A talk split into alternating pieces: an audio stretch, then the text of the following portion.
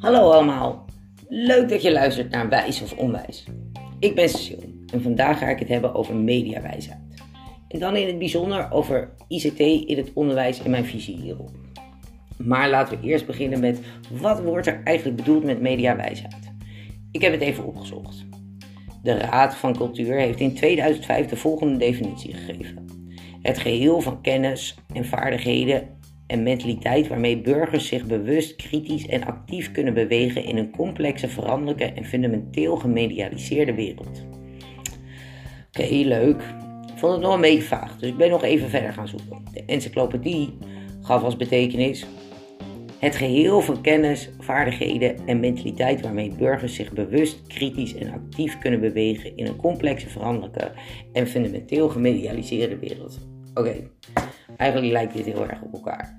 Maar dit zijn vooral algemene betekenissen van mediawijsheid. Mooie beschrijvingen natuurlijk allemaal. Maar wat betekent mediawijsheid nu eigenlijk in het onderwijs? Oké, als ik daar in eerste instantie over nadenk, dan wil je als docent je studenten informeren over fake news. Je wil dat ze het verschil herkennen tussen feiten en meningen. En je wil dat ze wegwijs zijn in de verschillende ICT-toepassingen die er vandaag de dag gebruikt worden in het onderwijs.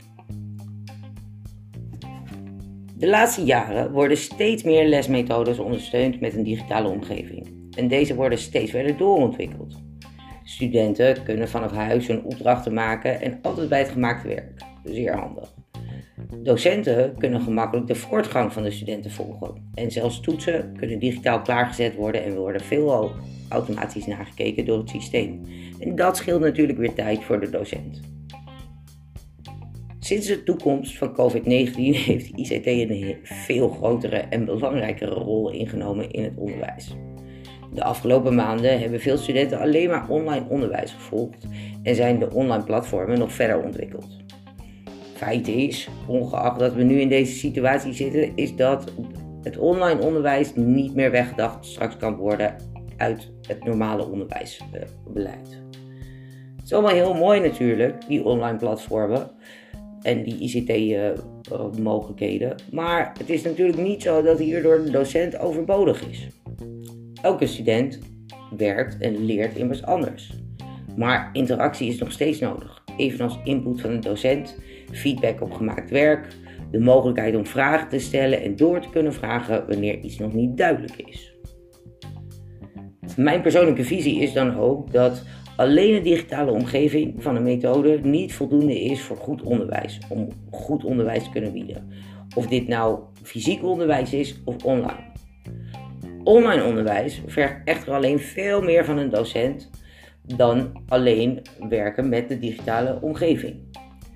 Er kan niet meer gesproken worden vandaag de dag over een traditionele manier van lesgeven. En zeker niet wanneer het online lesgeven betreft. Traditionele lesplannen werken niet meer bij online onderwijs en vergen een totaal andere aanpak.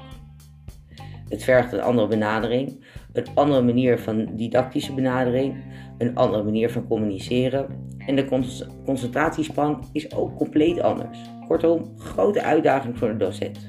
Nog niet eens gesproken over de student. Belangrijk zijn volgens mij in eerste instantie dat ICT-toepassingen allereerst gebruikersvriendelijk zijn, voor zowel de docent als de student. Het moet overzichtelijk zijn en echt dienen als een aanvulling op het reguliere lesprogramma.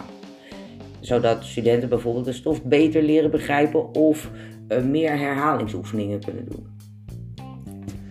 Uh, natuurlijk, wat belangrijk is als docent eh, en als je kijkt naar ICT in het onderwijs, is je studenten op de juiste manier informeren. Los van fake news en dergelijke dingen, is het ook belangrijk dat zij begrijpen hoe moet je inloggen. Het zijn basisdingen. Hoe moet je inloggen? Hoe werkt het systeem? Wordt het automatisch opgeslagen of niet? Wat kan de docent zien? Wat wordt er verwacht van jou? Uh, is het makkelijk werk, uh, werkbaar? Daarnaast is het denk ik zeer belangrijk als docent zijnde om up-to-date te blijven van de nieuwste ontwikkelingen. Je moet je ook bewust zijn dat met online lesgeven het hele andere skills vraagt als dat je normaal gesproken hebt. Eigenlijk de skills zijn hetzelfde, maar het krijgt een andere invulling. Vooral bijvoorbeeld didactisch gezien. Daarnaast moet je niet bang zijn om fouten te durven maken. Je moet dingen uit durven proberen. Je moet ook openstaan voor feedback en feedback durven vragen. Je moet leergierig zijn, trainingen volgen wanneer je dat kan doen. En deze trainingen proberen toe te passen in je lesgeven. Uh, en deze delen ook met collega's. Vooral van je collega's leer je heel veel. Deel je ervaringen. Wees je daarnaast ook bewust van je zwaktes. Als jij het moeilijk vindt uh, om je klassenmanagement uh, te doen in een online omgeving, kijk dan mee met andere collega's. Kijk hoe zij dit aanpakken en vraag om hulp. Als docent hebben wij ons de afgelopen maanden ontzettend moeten ontwikkelen. En we hebben veel workshops gevolgd, verschillende dingen uitgeprobeerd. En waarschijnlijk zijn meerdere van ons, of bijna alle, verschillende keren hebben, hebben we gefaald in het uitproberen.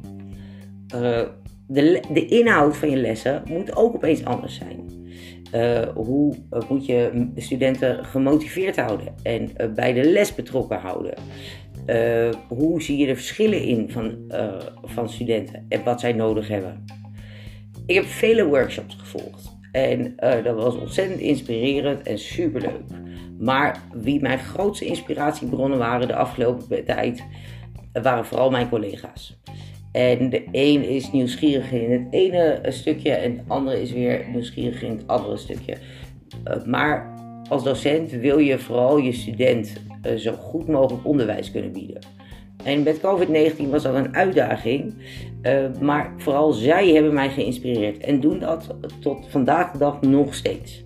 Het is briljant. De een is daarop gefocust, maar hoe de mensen uit durven te proberen is fantastisch. Hoe ze durven te delen, hoe ze uh, je vragen om deel te nemen, om iets uit te proberen.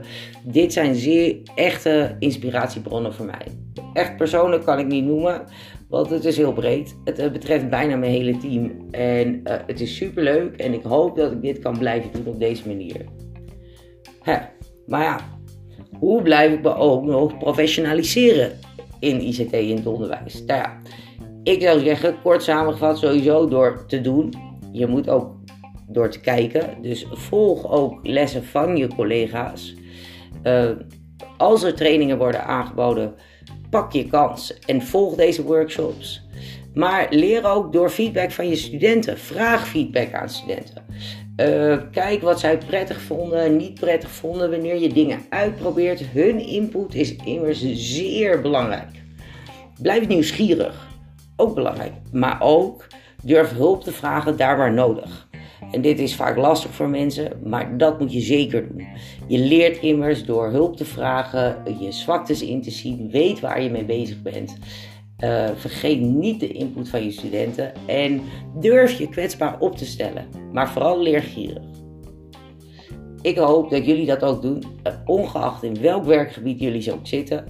Uh, deze tijd is zeer uitdagend met COVID-19 en alles gaat online. naar de docenten zeg ik: blijf geïnspireerd. sta open voor nieuwe dingen, hoe moeilijk dat soms ook is, want mensen houden nou eenmaal van hun routines. Uh, maar het is een uitdaging om uh, nieuwe dingen te leren. En dit is een mooie kans. En niemand zal het je ooit kwalijk nemen dat je fouten maakt. Je moet in elk geval fouten durven maken. En ik denk dat dit het allerbelangrijkste is vandaag de dag. Uh, omdat je op die manier, door fouten te maken, je uiteindelijk beter je studenten kan bedienen en beter onderwijs kan bieden. Of dit nou online is of offline. Maar vooral met online. Zorg dat je de basisbeginselen goed hebt uitgelegd. Zorg dat je weet hoe ze moeten werken met een bepaald systeem of een bepaalde, uh, uh, ja, bepaald systeem. en sta daarvoor open in elk opzicht. Ik hoop dat jullie vandaag genoten hebben van mijn podcast. Ehm, ik in elk geval wel. Super leuk dat jullie luisteren. Ik hoop jullie volgende week te zien. En dan gaan we het mm, ergens anders over hebben. Dat onderwerp is nu nog niet bekend. Ik wens jullie voor nu een hele fijne dag of avond. Leuk dat jullie luisteren en hopelijk tot ziens bij Wijs of Onwijs.